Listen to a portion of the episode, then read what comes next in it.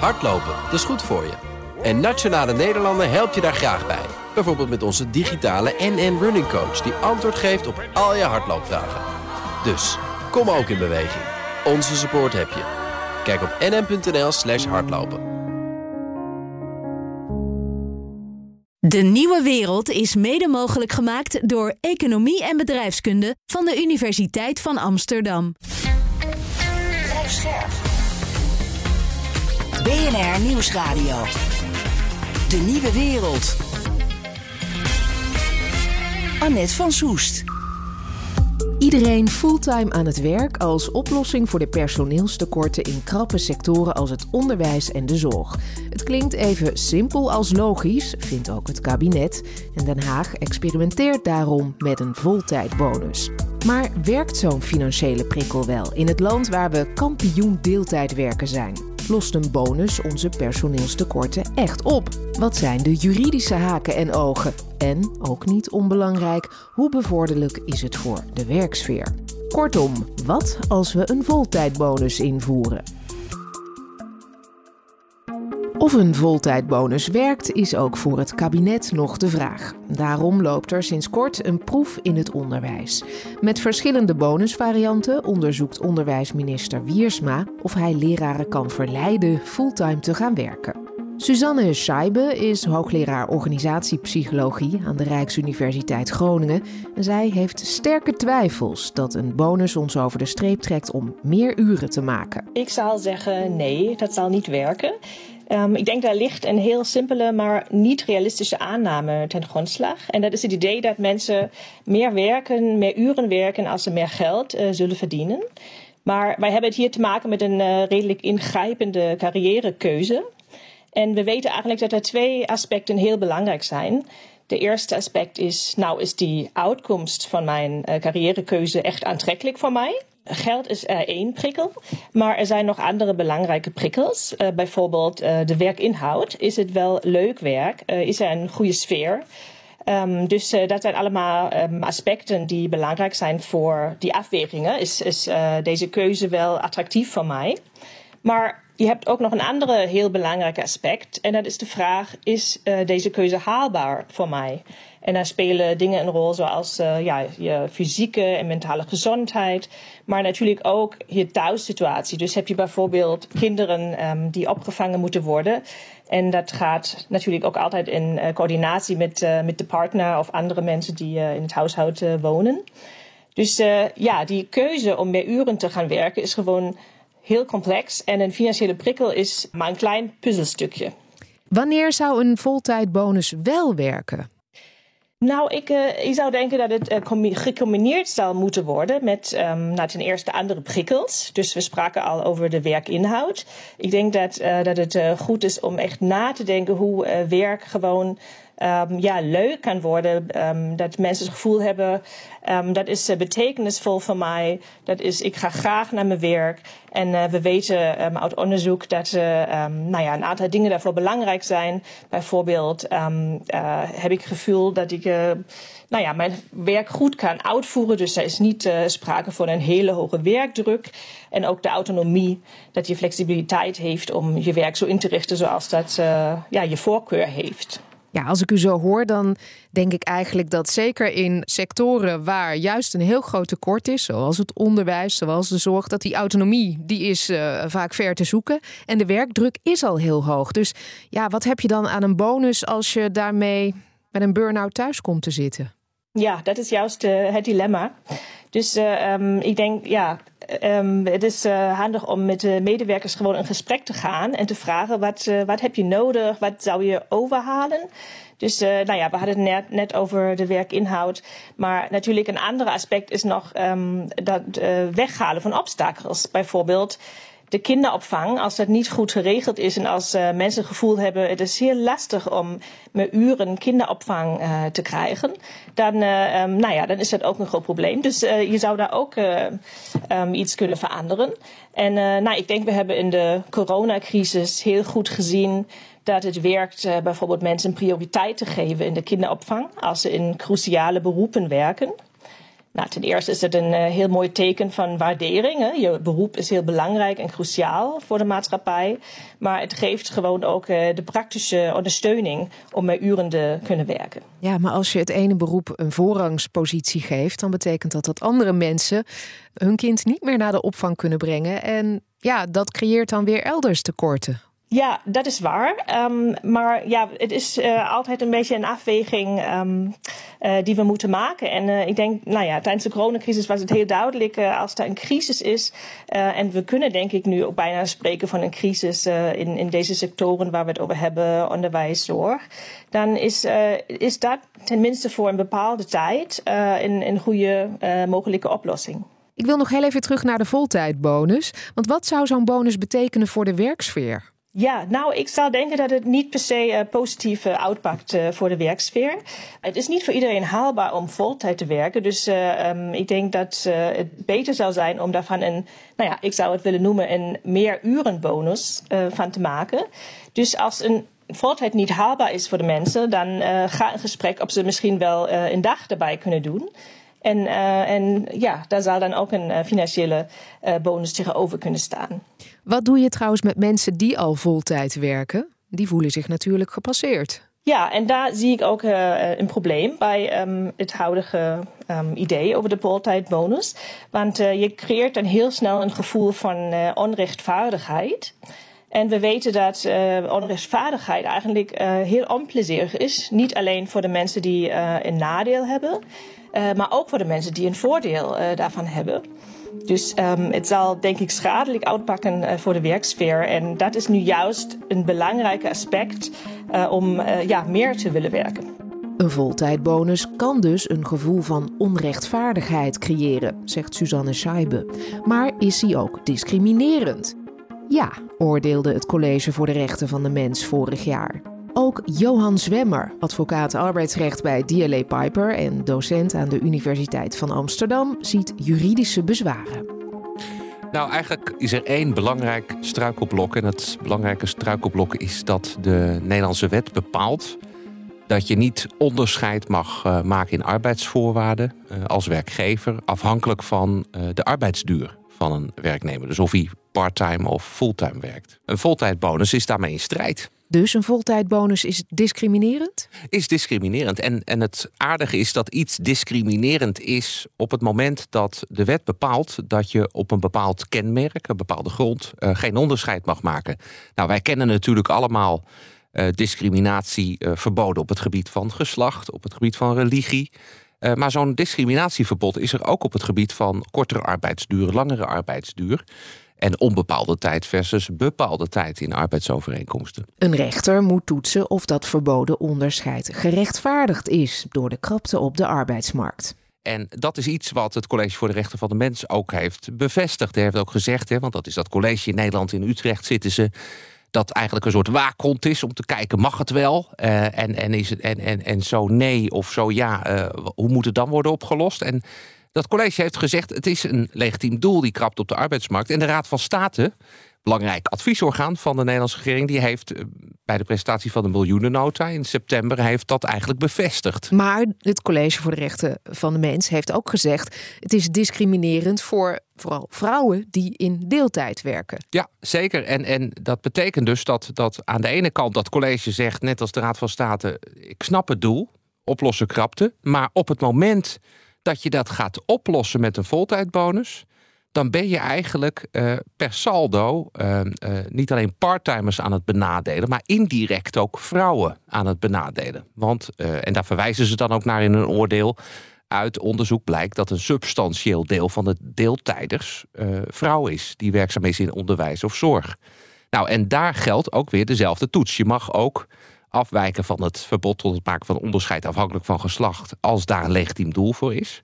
En dan zegt dat college, en ik denk dat dat eigenlijk wel de, de cruciale uh, uh, onderdeel is van, van dat hele oordeel, die zegt legitiem doel is er, maar uh, het middel rechtvaardigt eigenlijk de oplossing niet. En dan zegt het college dus, en wat zijn dan die middelen? En de regering heeft dat gevraagd vorig jaar aan het college, voltijdbonus, Bijvoorbeeld belonen de vierde of de vijfde dag dat je werkt in de week substantieel meer. Een uitbreidingsbonus. Het zijn allemaal financiële prikkels om uh, voltijd werken te stimuleren. Uh, maar ook niet-financiële prikkels. Bijvoorbeeld dat je roostervoorkeur doorslaggevend is als je voltijder bent. En de deeltijder dus eigenlijk alle rotuurtjes moet gaan uh, invullen. Uh, of, of andere niet-financiële vergoedingen voor, voor voltijders. Of als je voltijd gaat werken. Daarvan zeggen ze allemaal, ja, dat zijn allemaal middelen die eigenlijk niet proportioneel zijn. Uh, omdat je ook met minder discriminerende, vergaande middelen hetzelfde kunt bereiken. Die middelen die gaan te ver. Die middelen gaan te ver. En een van die middelen is die voltijdbonus. Hè? Maar dus ook, uh, want, want dat vraag je dan af, gaan we iets anders bedenken? Gaan we een uitbreidingsbonus? Die staan ook allemaal al geanalyseerd in dat advies. Want Daarbij geldt allemaal, het, het, het middel is te zwaar om het doel te bereiken. En dan zegt de, uh, het college, ga nou eens kijken naar de achtergrond van waarom dat deeltijdwerken er is. Probeer dan zo die krapte te bestrijden in die sectoren.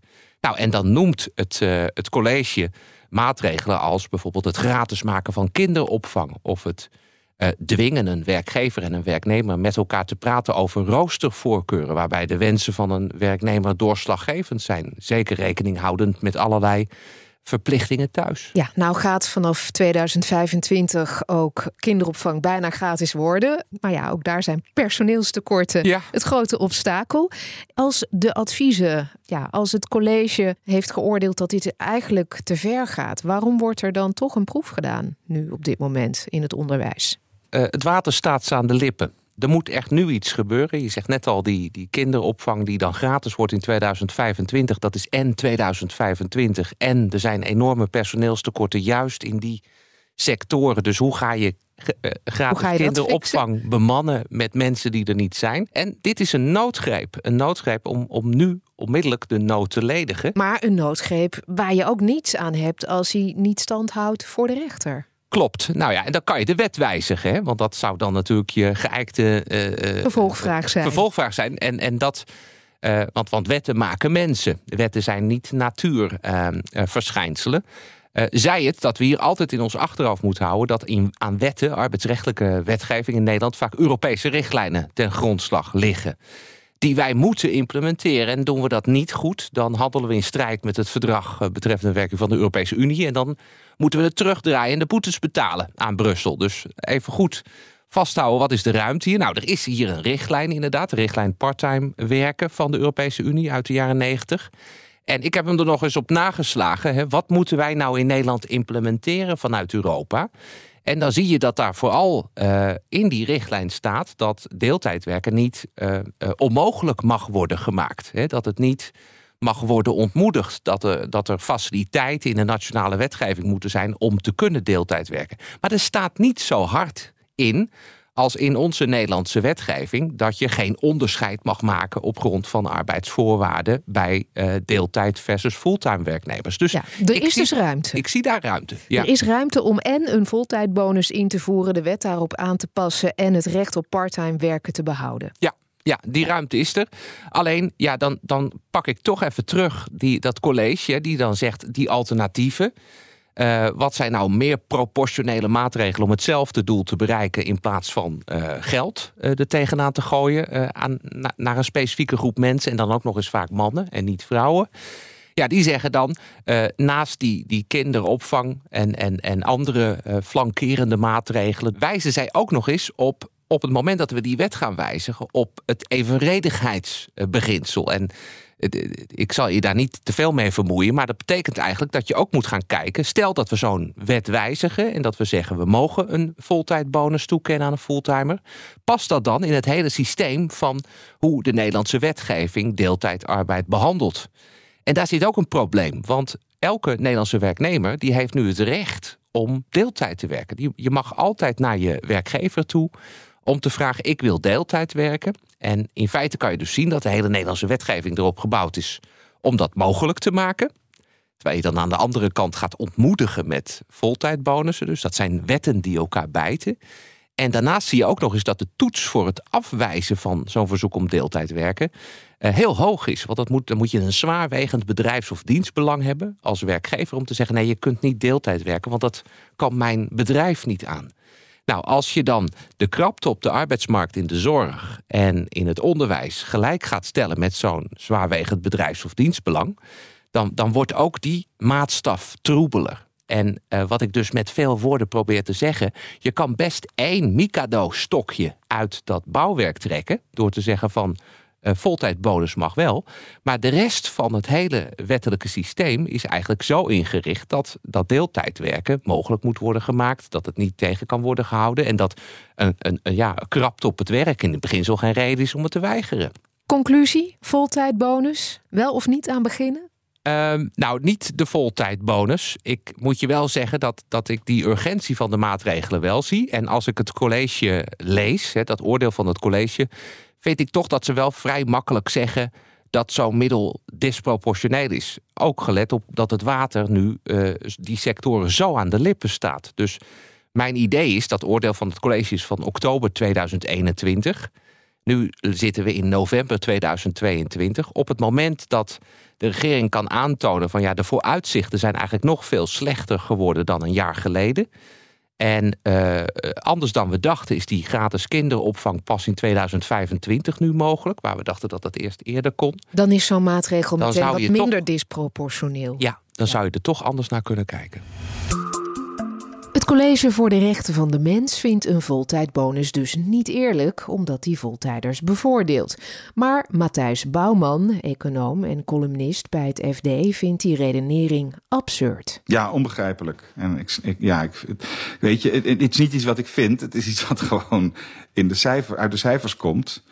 Op dit moment uh, betalen voltijders, betalen voor de deeltijders, mensen met hetzelfde beroep, uh, met hetzelfde uurloon daar houdt een deeltijder veel meer van over. Soms zelfs meer dan zijn bruto uurloon vanwege alle toeslagen die hij krijgt. Terwijl een voltijder dat allemaal uh, betaalt. En um, ja, zo'n voltijdsbonus probeert iets te doen aan dat onrecht. Dus ik vind het wel een godspe, eerlijk gezegd, dat uh, het College voor de Rechten van de Mens, notabene, zegt dat dat niet eerlijk zou zijn voor de deeltijder. Want ja, die wordt nu consequent voorgetrokken. Kan een voltijdbonus dat recht trekken? Nee, een voltijdsbonus is uh, plak- en knipwerk. Dat is een, zeg maar een uh, manier om met het ene onrecht het andere onrecht een beetje te repareren. Uh, maar een voltijdsbonus gaat dat nooit netjes, netjes repareren. dat, dan moet je echt een soort matching hebben met wat er nu misgaat. En dat doe je niet met een toch op zich een dom instrument als een voltijdsbonus. Daarvoor zou je eigenlijk toe moeten naar een heel nieuw toeslagen- en belastingstelsel. Waarbij veel meer rekening wordt gehouden met het feit dat ja, sommige mensen die hetzelfde verdienen per uur wel heel verschillend belasting betalen, omdat de ene meer uren maakt dan de ander. In Nederland werkt 36% van de werknemers minder dan 30 uur per week. We zijn kampioen deeltijd werken. Waar moeten we uitkomen om de personeelstekorten een beetje weg te werken? Hoeveel parttimers moeten voltijds gaan werken? Willen we een deuk in een pakje boter slaan?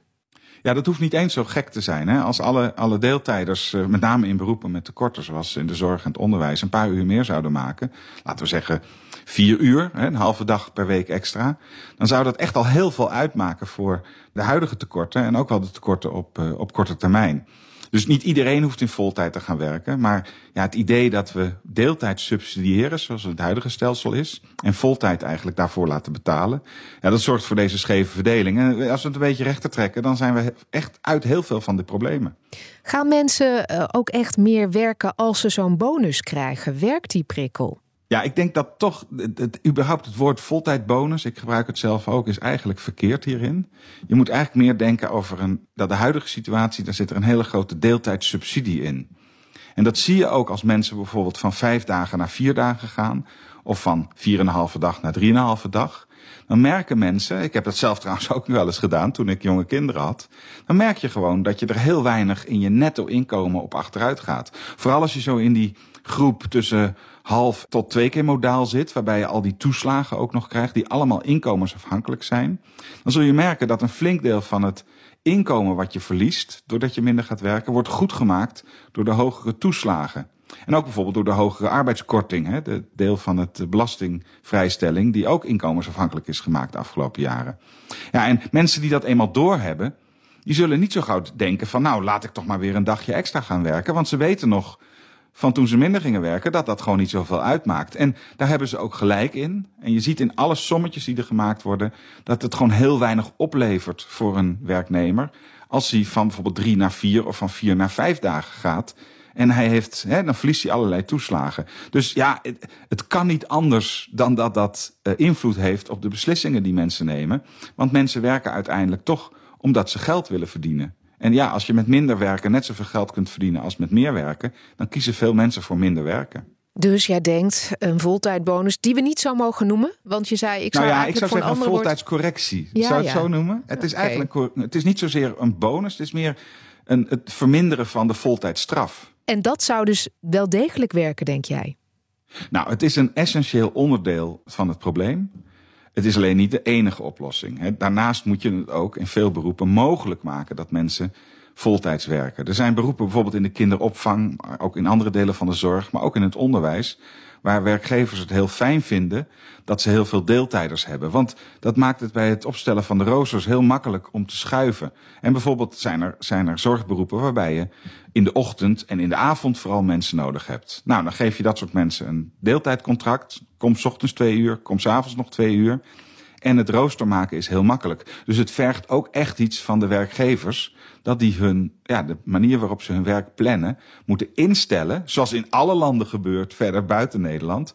Op het, het standaard contract van, laten we zeggen, 35, 36 uur. Er worden op dit moment verschillende bonusvarianten onderzocht. Het is nog helemaal niet bekend hoe zo'n voltijd- of correctiebonus eruit gaat zien. Wat, wat denk jij, wat, wat zou een goede vorm zijn? Nou, zoals er nu over wordt nagedacht, dat is allemaal best wel in een slechte vorm. Hè? Dus een soort eh, pilot eh, in het onderwijs waarbij werkgevers min of meer toestemming krijgen om eh, mensen meer te betalen als ze in voltijd willen werken. Dat is denk ik niet de, de oplossing. Dit moet echt in het fiscale en in het toeslagencircus worden verwerkt. Dus ik vind dat de overheid voor alle werknemers, dus niet alleen in het onderwijs, ervoor moeten zorgen dat ja, die marginale tarieven, hè, dus de, de, de hoeveelheid belasting die je betaalt als je een uurtje meer gaat, uh, gaat werken, dat die naar normale niveaus gaan. Want die kunnen in Nederland gewoon 60, 70, 80 procent zijn. Wat je moet afgeven omdat je een paar uur meer gaat werken. Nou, en daar, daar zit de oorzaak en daar moet ook de oplossing zijn. Dus de voltijdsbonus moet niet iets zijn van werkgevers, maar moet echt iets zijn van, uh, van, van uh, ja, financiën en de Belastingdienst. We maken het nog wat ingewikkelder. Kan de Belastingdienst dat wel aan?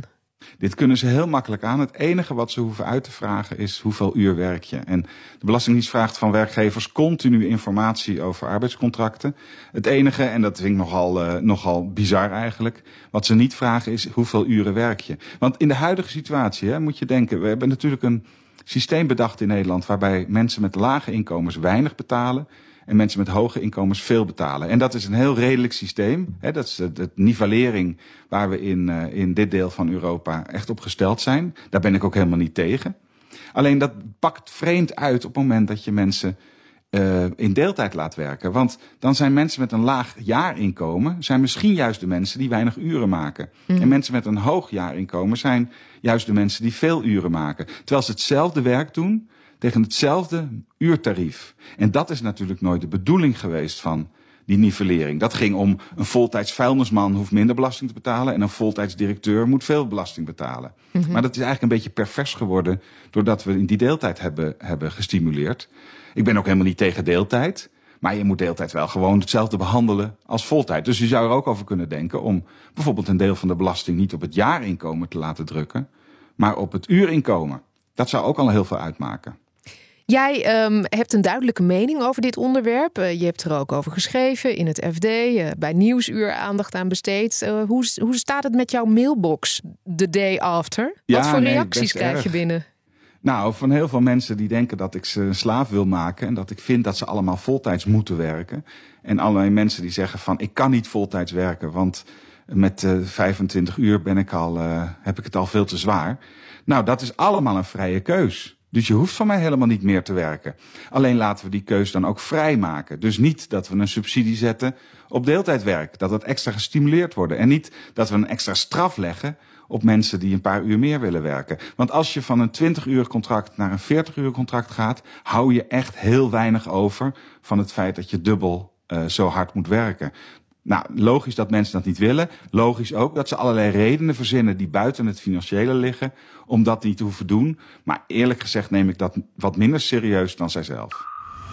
Tot zover de voltijd, meerurenbonus of correctie. Volgende week dinsdag zijn we er weer. Dan pakken we de trein, want dat is de laatste tijd geen onverdeeld genoegen. We gaan onderzoeken hoe we de NS weer op de rails krijgen.